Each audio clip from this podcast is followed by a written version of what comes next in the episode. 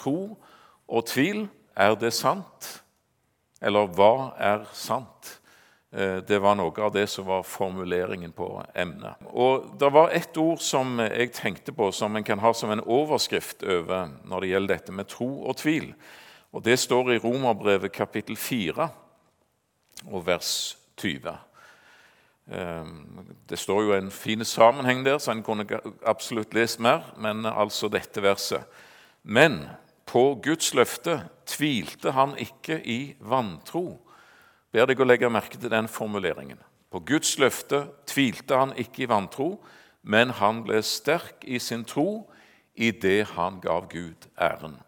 Og Den det altså står om, det er herr Abraham, eller Abraham, som han skifta navn til da.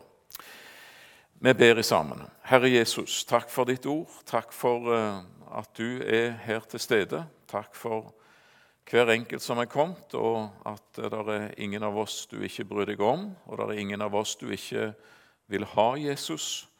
Det er ingen av oss du ikke har gitt ditt liv for. Du, har, eh, du elsker med en evig kjærlighet, og vi takker deg for det, Jesus. Vil du òg fremdeles tale til oss, og la oss få noe nyttig fra ordet ditt, og få møte deg, Jesus. Herre, velsign Salem, alt arbeid som drives her. Vi ber om det i ditt navn. Amen. Og så har Jeg lyst til å si det, jeg registrerte at neste uke så er det ei møteuke med Wenche Lunde. Og Det har jeg veldig lyst til å anbefale for uh, deg som har sjansen til å gå. Hun er ei flott uh, og festlig uh, bibeldame, holdt jeg på å si, og Jesusmenneske. Så jeg har veldig lyst til å anbefale den, den møteserien. Du kommer til å få noe. Det er jeg sikker på. Vel, er det, eller, eh, er det sant? Tvil og tro. Tvil det var liksom noe av det som eh, var i denne sammenhengen og tanken med dette møtet. Tvilen har mange skikkelser og mange ansikter. Den kommer på forskjellige måter og vinkler. Den kan være av rent sånn intellektuell og tankemessig art. Altså, Finnes det virkelig noen Gud? Eh, er kristendommen sann? Er ikke den bare en religion blant andre religioner? Hvorfor absolutt kristendommen og ikke islam eller hinduisme eller egentlig hva som helst?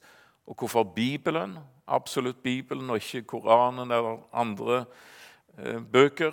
Hvorfor akkurat Jesus eh, og ikke Buddha, Allah osv.? Eh, altså en kan... Eh, det kan være tvil som gjelder det rent intellektuelle. Det, du kan gjerne si det ytre. Men så kan det òg være en tvil som går mer på det personlige, indre livet. Eh, det du gjerne kan kalle en, som en snakket mye om før iallfall, anfektelse. En anfektelsestvil. Altså kan jeg være frelst sånn som jeg er? Jo, jeg tror virkelig på Jesus og Bibelen og alt det der. Men jeg tviler på at jeg har fått tak i det, at det er mitt. At jeg virkelig tar omvendt meg på en riktig måte. Og jeg lurer på om jeg er omtrent 30 cm ifra å være innenfor Guds rike. Altså at kristendommen sitter her oppe og ikke her. At det bare er tanke og lære og ikke har flytta inn i hjertet. Kan jeg være en kristen med fall og nederlag og tvil? Og alt dette her. Da er, da er tvilen mer eh, av en personlig art, for det er seg sjøl en egentlig tviler på, altså sitt forhold, om en har fått tak i dette. Så tvil er ikke bare tvil. Og Jeg tenker på denne mannen som, eh, denne pappaen som Jesus møtte i Markus 9, han som var så fortvila. Og så ropte han det til Jesus. 'Jeg tror. Hjelp min vantro.' For han følte det på at der lå vantroen og ville ta ifra det som Jesus hadde sagt, og, og det Jesus var. Ikke sant? Og Da er tvilen egentlig å forstå som nærmest en, en troslidelse. Jeg tror. Hjelp min vantro. Jeg ville gjerne vært kvitt den vantroen, men uh, Jesus, du vet hvordan jeg er. Da blir troen en, eller tvilen en slags lidelse som en, som en drar med seg. Så vet vi det, for det møter vi. Eh, og det har vi helt sikkert møtt eh, i forskjellige sammenhenger. Der tvilen aldeles ikke er en troslidelse, men tvert imot eh, noe som en aldeles ikke vil bli kvitt. Som en gjemmer seg bak, altså mennesker. Akkurat som Pilatus, når mesteren sjøl sto foran han og, og sa at 'jeg er kommet for å vitne om sannheten'. Og Da ser jeg Pilatus for meg i Johannes 18, der han trekker på skuldrene og så sier han, Hva er sannhet? Du har din sannhet, og jeg har min. Eh, men hvem vet egentlig? Altså nærmest en måte å, å barrikadere seg bak eh, eh, relativismen. En, en, eh, muligens så vil en ikke ha sannheten, rett og slett. Og det tror jeg jeg kan si at jeg har møtt, og du møter mennesker som eh, holder på sin tvil, nettopp for å holde avstanden til Jesus. Det er en måte å flykte unna og skli unna og holde seg på avstand eh, ifra, ifra alt det som er fra kristendommen, fra Jesus. Og gjemmer en seg bak tvilen som et skjold, og en eh, vil egentlig ikke bli kvitt det skjoldet. Da, eh, da er tvilen på vei til å bli vantro, eller er det kanskje allerede? For tvil i seg sjøl, iallfall som troslidelse, det er noe helt annet enn vantro. Vantro er tvil som er sementert, gått i vranglås. Eh, det at en ikke vil tro i det hele tatt. Og Vi kan godt merke oss hva Jesus sa i Johannes 3 og vers 36, fordi det er en nyttig presisering. Han sier det at 'den som tror på Sønnen, har evig liv', men den som ikke vil tro på Sønnen, skal ikke se livet, men Guds vrede blir over ham. Og Da sier ikke Jesus at den som strever med, med troen, den som ikke den som har en skrøpelig tro, eller sånt. Det er ikke det han snakker om, men han snakker om den som ikke vil.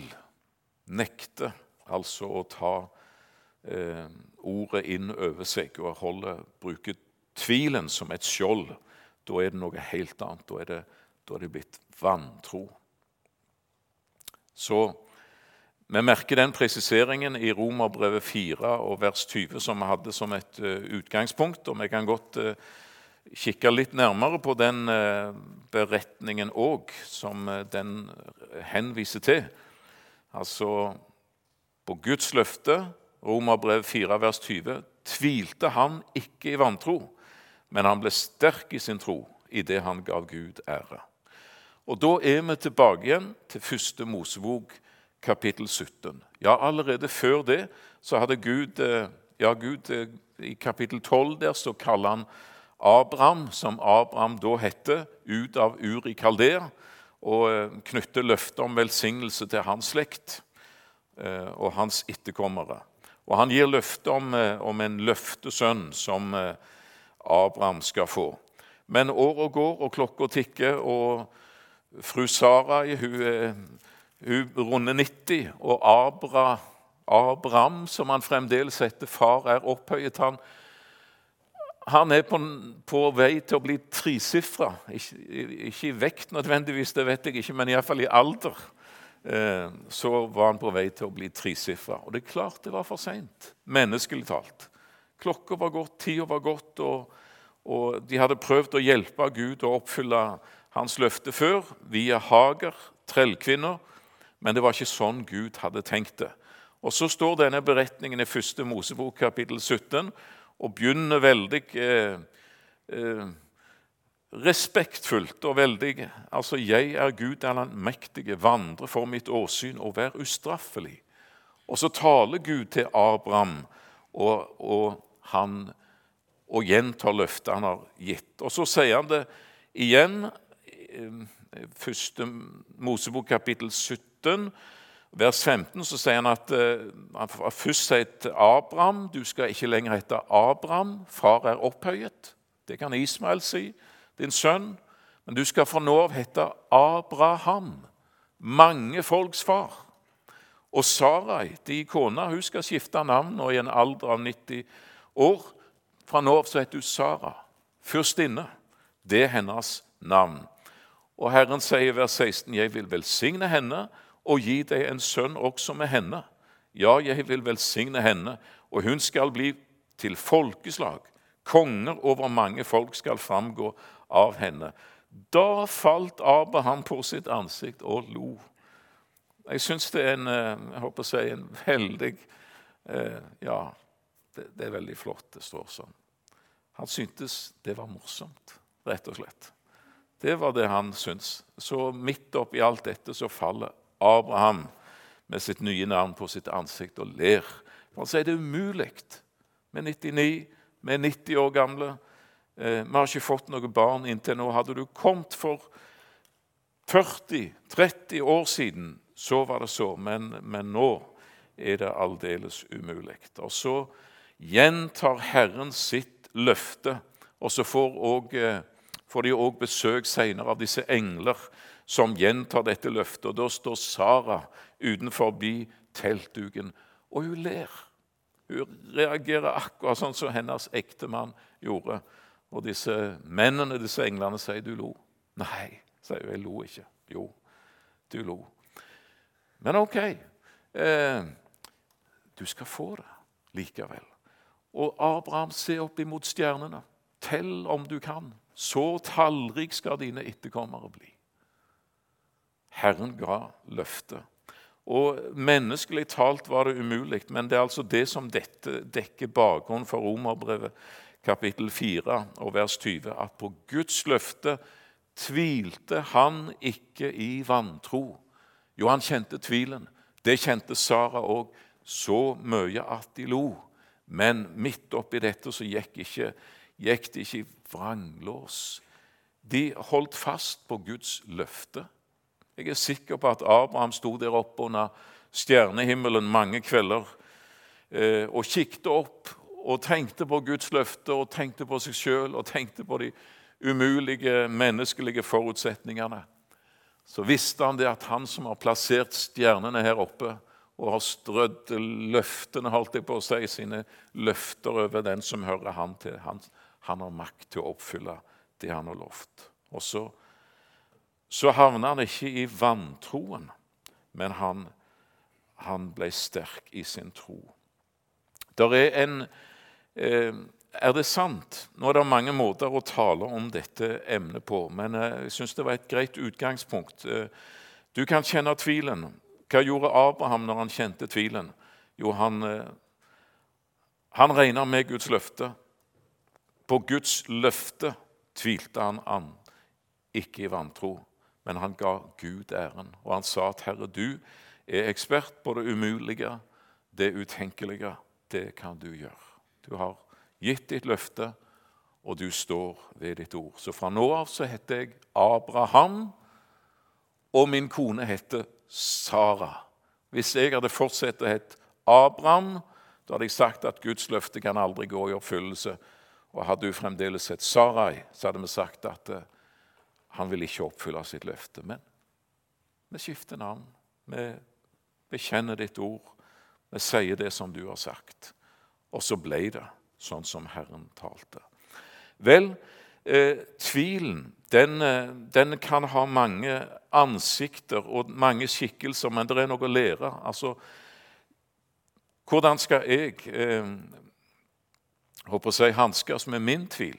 For tvil det fyller det har alltid fulgt kristenheten, og sånn er det i Bibelen. Den er veldig ærlig eh, i så måte. Og Jeg tenker på Johannes i Matteus 11, han som satt i fengselet der og, eh, var, eh, og sa det til sine disipler at nå må dere gå av gårde til Jesus, og dere må stille han et spørsmål. Er du den som skal komme, eller skal vi vente en annen?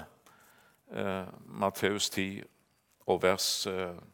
Matteus 11 eh, i denne sammenhengen. Skal vi se, og det er eh,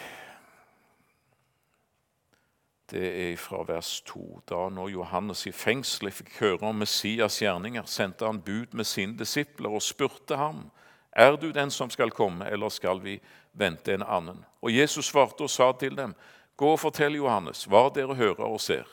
Blinde ser, lamme går omkring, spedalske blir rensket, døve hører, døde står opp, evangeliet forkynnes for fattige. Ja vel, sier Johannes, det er greit, det. Det, det, det er egentlig ikke det som er problemet. Problemet er at jeg sitter her i, i fengselet. Og hvor blir du av Jesus? Du gjør alt mulig for alle andre. Du helbreder, og du oppreiser, og du gjør under. og jeg jeg hører ryktene, men har du glemt meg, Jesus? Her sitter jeg i fengselet med døden luskende ut forbi i skikkelse av Herodias, som ønsker å se meg død og pønsker ut planer. Jeg er fullstendig klar over det, hva vei det går. Jeg sitter her fordi jeg har vært tro imot ditt ord, Herre. Hvor er du? Er du den som skal komme, eller skal vi vente en annen?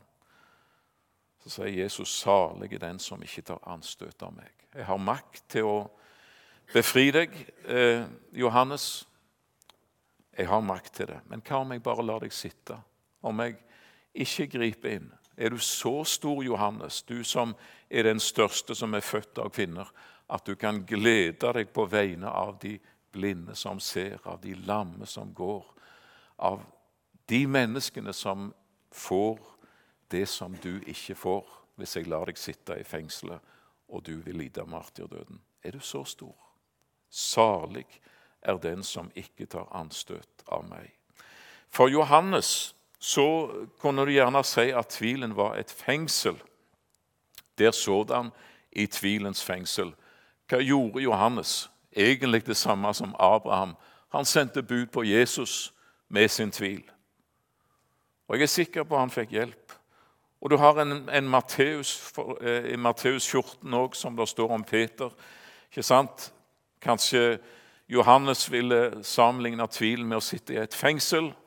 Eh, Matteus kapittel 14, det er når de er ute på sjøen, og det, det er uvær og storm og bølger og alt sammen. Og så er det denne lysende skikkelsen som plutselig kommer til gående imot dem. Og de roper i skrekk. Det er et fantasma, et spøkelse. Eh, og så er det Jesus som kommer eh, gående.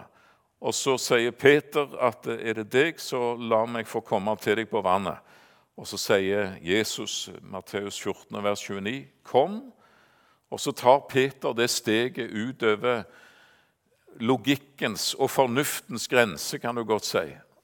Utover båtdripa og bort gjennom på sjøen. Og der begynner han å gå med blikket festa på Jesus. Du kan godt se den scenen for deg. Ikke sant? Uvær og bølgen og stormen. Mesteren som står der.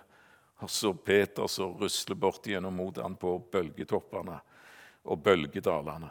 Og det går så fint, helt til han eh, mister synet på Jesus og begynner å kikke omkring seg og kjenne vinden og alt dette her og tenke at nå gjør jeg noe som jeg strengt tatt ikke kan. Og dette står det ingenting om det jeg har lært på skolen. eller noen ting i Dette bryter med naturens lover og alt. Jeg, jeg kan ikke gå på sjøen. Og så begynner han å synke.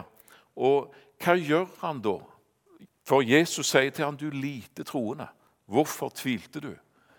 Men hva gjør han med sin tvil?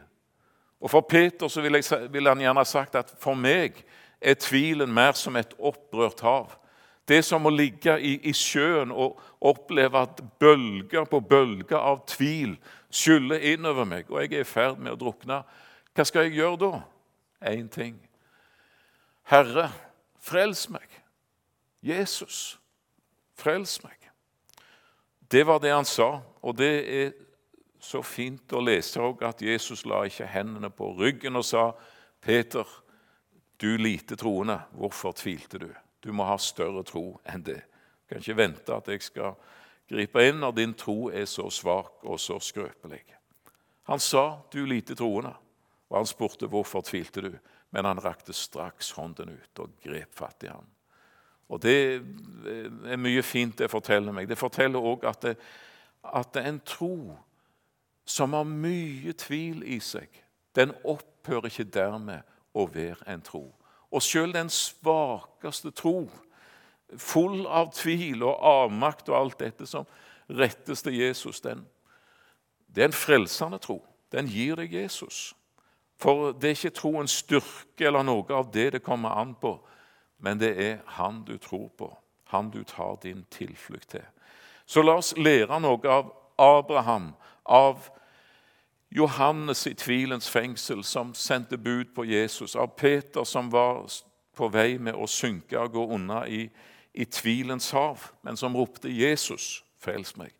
Der skal du og jeg gå med den tvil på forskjellige nivå og plan som den enkelte av oss har å slite med. Jeg tror. Hjelp min vantro. Så mye om, eh, om, eh, ja, om dette med tvil, da. Så er det spørsmål om eh, hva er sant? Er det sant, det som forkynnes i Salem? Er det sant, det vi leser i den gamle bok? Og når Jesus sto og sa det at 'jeg er veien, sannheten og livet', ingen kommer til Faderen uten ved meg. Er det sant? Er det bare noe som eh, jeg håper å si, eh, er påstander som slenges ut, og som en egentlig ikke kan si noe mer om? Eh, det er klart at nå, nå blir det veldig kjapt og veldig, veldig overflatisk. Men si at, at Bibelen her markerer år én. Dette er år én. Ehm, vi snakker om vår tidsregning med at den begynner med Jesus. og Selv om ikke Jesus ble født i det år én etter som all eh, sannsynlighet tilsier, men noe før det, noen få år før det, så, la, så, så regner vi dette Vi er ved år én, ikke sant? Så befinner vi oss i år 2019 nå. Har nettopp skifta. Så det er et stykke tilbake. Så er, det er fortid for oss. Men vi vet òg at for de som levde før det som vi kaller år én, så var det som skulle skje, det var framtid. Eh, det er veldig mye egentlig å si om dette. Om kristendommen. Eh, som, og det som eh, Nå har det vært ei helg i, på Randaberg, et års nyttårsmøte. Der har det vært en veldig fin predikant og talt Hans Johan Sagrusten, som en del av dere kjenner navn til. Veldig lyst til å anbefale hans bøker, og kanskje ikke minst den som heter 'Det store puslespillet'. Så hvis du sliter med å huske navnet, se for deg ei, ei, ei sag som er litt rusten. Eh, så kan du assosiere med det. Hans Johan Sagrusten. Eh, det er ikke mye rustent med han, for all del. Eh, det må jeg si. Han er en, eh, en gløgg fyr og en veldig, kunnskapsrik fyr. og Han har satsa, eller undersøkt mye om det som har med ja, den historiske troverdighet til kristendommen å gjøre. Skriftene.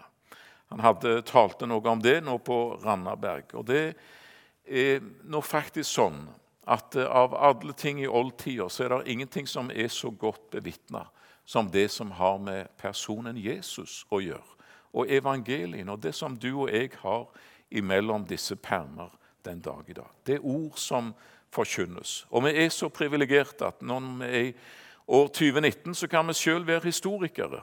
Vi kan gå tilbake igjen gjennom århundrene, til årtusenskiftet og 1900, 1800, 1700, 1600 osv. osv. Opp gjennom hele historien så er det massevis sant, av, av bibelutgaver. Uh, uansett hva bibelutgaver, hvis de er tro imot uh, grunnteksten, så vil du kjenne det igjen om det er litt forskjellige uh, variasjoner i språk og i oversettelsesmåte, og sånt, så er innholdet det samme. Det er klart at Jo lenger tilbake du kommer, tilbake enn til tusenårstallet, så, så blir det færre og færre kopier av den opprinnelige, første eh, Matteusevangeliet, Markus, Lukas, romerbrevene osv. Det blir færre og færre eh, bibelutgaver, kan du si.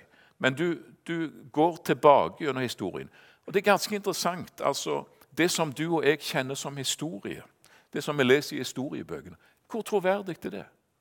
Det vi leser om som har sin rot i Herodot eller Tukidid eller Cæsars galliske kriger, eller hvem det måtte være, av Josefus eller de som har overrakt oss historien. Hvor troverdig er det? Platon, Sokrates f.eks. eh, hvor troverdig er det at han var det geniet som han egentlig var?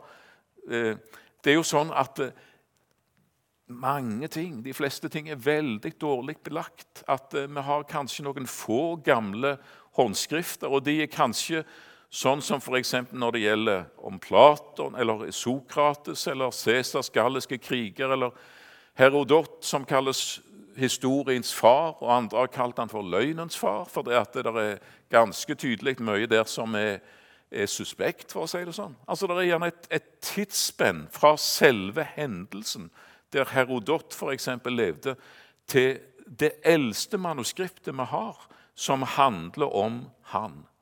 Hvor troverdig er det når vi har bare noen få håndskrifter, og de er kanskje fra 1000 år etter selve hendelsen fant sted? Det er ingen begivenhet eller er ingen historie som kan sammenlignes med kristendommen i så måte, med evangelieberetningene, der du spoler deg tilbake gjennom århundrene.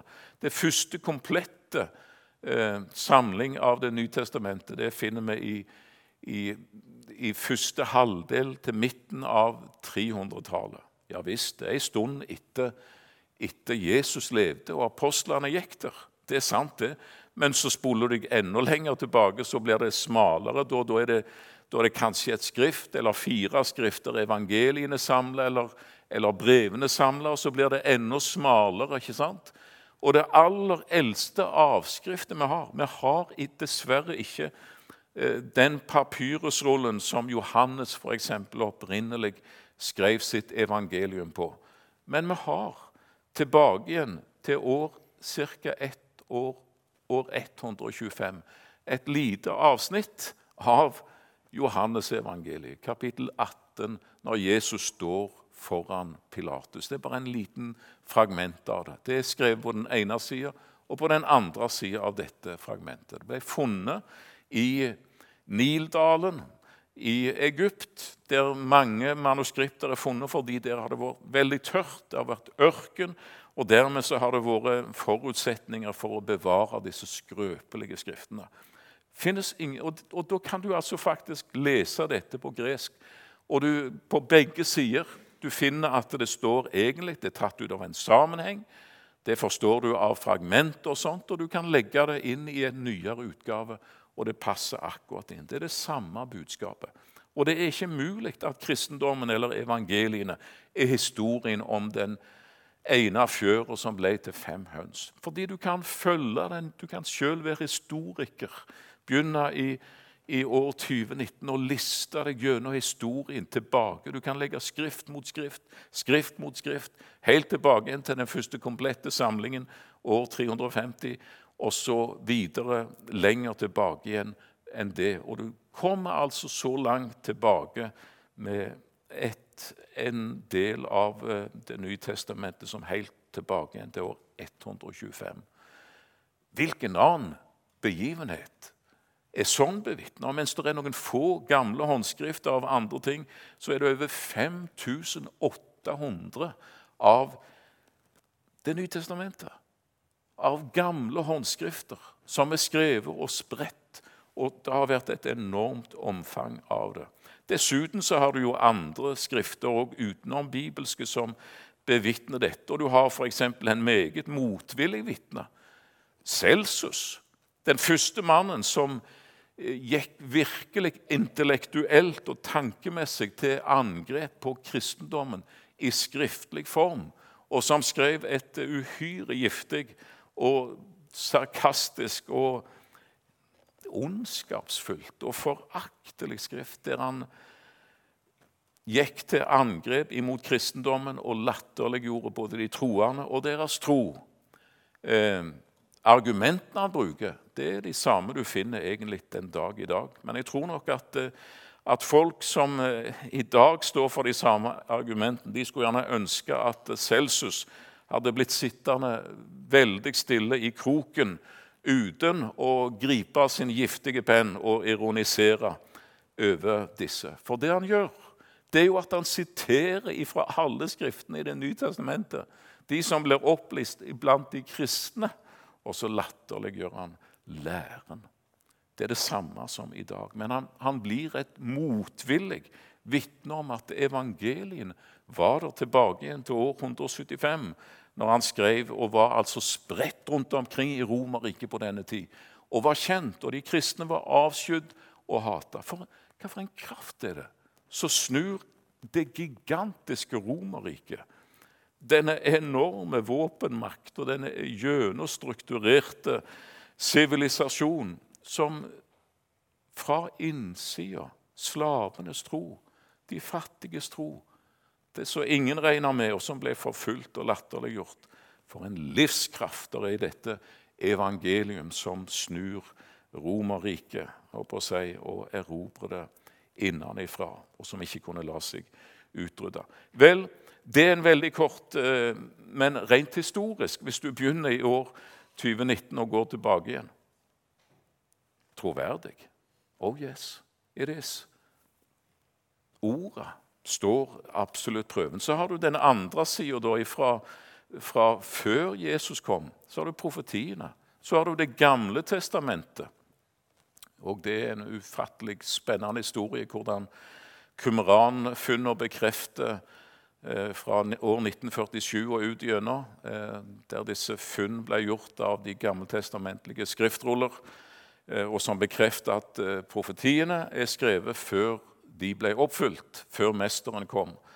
Eh, en utrolig spennende og dramatisk historie, egentlig, som mye av bibelforskningen er.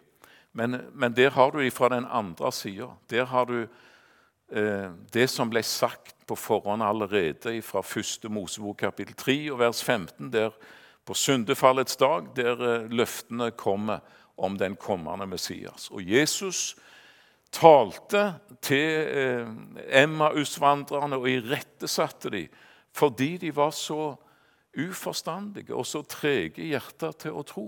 Måtte ikke Messias lide alt dette og så gå inn til sin herlighet? Og han begynte fra Moses av, står der. Eh, la oss få det riktig.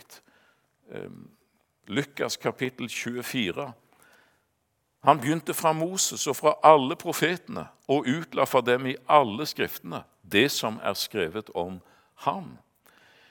Noe av det sterkeste, eller for min del utvilsomt det sterkeste når det gjelder trosforsvar og det rent tankemessige, det er det at Det gamle testamentet bærer dette vitnesbyrdet om den kommende frelser. Gjennom alle sine skrifter. På forskjellige måter. Noen ganger krystallklart, og andre tider dunkelt og skjult. Og noen ganger i eksempelfortellinger, og noen ganger i offerhandlinger og alt det som skjer. Men, men hele veien så er det historien om Jesus. Det er han som skal komme. Første Mosebok kapittel 3 og vers 15, som skal knuse slangens hode. Det er han som er født av en jomfru, sier Johan, eh, Jesaja 7 vers 14. Og hans navn er Under, rådgiver, veldig Gud, evig far, fredsfyrste. Han er barnet som er oss født. Han er et menneske. Men han kommer altså ifra evigheten. Han er Gud. Og Mika forteller at du, Betlehem, som er liten til å være iblant Judas tusener Du er ikke så liten likevel, for fra deg skal det utgå for meg en som han som skal fødes, altså. Han skal bli født i Betlehem, og hans utgang er fra evighetsdager. Kom ifra evigheten, og han fødes i Betlehem. Han skal ha sitt liv der og der, sier Jesaja. Og Det står mye om hans tjeneste. Og Daniel kapittel 9 forteller at han skal Messias skal dø i Jerusalem. Det kommer til å skje 483 år etter kong Artaserkses 20. år, når han gir ordren om å gjenreise og oppbygge Jerusalem. Fra det øyeblikket så begynner klokka å tikke. Daniel 9, vers 24-27. Skal det gå 483 år, så skal den salvede stå fram. Så skal han la seg hylle og så skal han utryddes og intet ha. Og Jerusalem skal bli ødelagt, forteller eh, Daniel der. Skjedde år 70, osv. Og, og David han forteller jo Salme 22 om dødsmåter. At han skal De har gjennomboret mine hender og mine føtter. De ser på, de ser på meg med lyst. De deler mine klær mellom seg. De kaster lodd om min kjortel. Det er hans dødsmåte. Han skal oppstå. Forkynne Jesaja 52 og 53, der det står om han er såret for våre overtredelser osv. Men han skal òg leve, og han skal se, og han skal æres. Etter sin død så skal han se, leve, æres. Oppstandelsen. Overalt vil du finne disse underlige profetier. De er fortalt på forhånd. Så Bibelen står, altså beretningen står prøven både rent historisk Hvis du begynner ifra der du og jeg er, og går tilbake ikke sant? Og hvis du begynner ifra andre sida, så fortelles historien om Jesus på forhånd. Hele hans liv, hans død og oppstandelse. Alt dette for at du og jeg skulle forstå at denne bok faktisk er inspirert. Hva er medisinen når det gjelder tvil og tro? Ja, la oss lære av Abraham. La oss lære av Abraham og regne med Guds ord og hans løfter.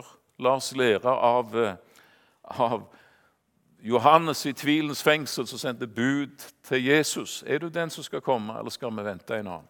Men han sendte bud til Jesus. La oss eh, lære av Peter, som er i ferd med å synke og drukne i tvilshavet og tvilsbølgene. Herre, frels meg. La oss lære av salmistene, av profetene. Vi møter ofte av tvil i Bibelen. Hva skal vi gjøre? Ja, det holder tankemessig. Vi kan godt bruke eh, kunnskap og alt dette og snakke både om den historiske og den profetiske dimensjonen. Først og fremst, la oss gå til Jesus med dette. For den som kommer til han, blir ikke vist bort, selv om du kommer med din tvil. Herre Jesus, det har jeg lyst til å takke deg for, at eh, sånn er du. Du er den som er troens opphavsmann og fullender. Vi tror ofte om oss sjøl at vi skal produsere tro, men det kan vi nå en gang ikke. Og troen kommer av forkynnelsen som en hører. Og forkynnelsen som en hører, den kommer av ditt ord, Herre. Så der, der troen kommer, der må tvilen òg få mindre plass, Jesus. Takk at vi får komme til deg, og vi får høre ditt troens ord, og vi får være der du er, Jesus. Vi priser ditt navn. Du er Herre. Amen.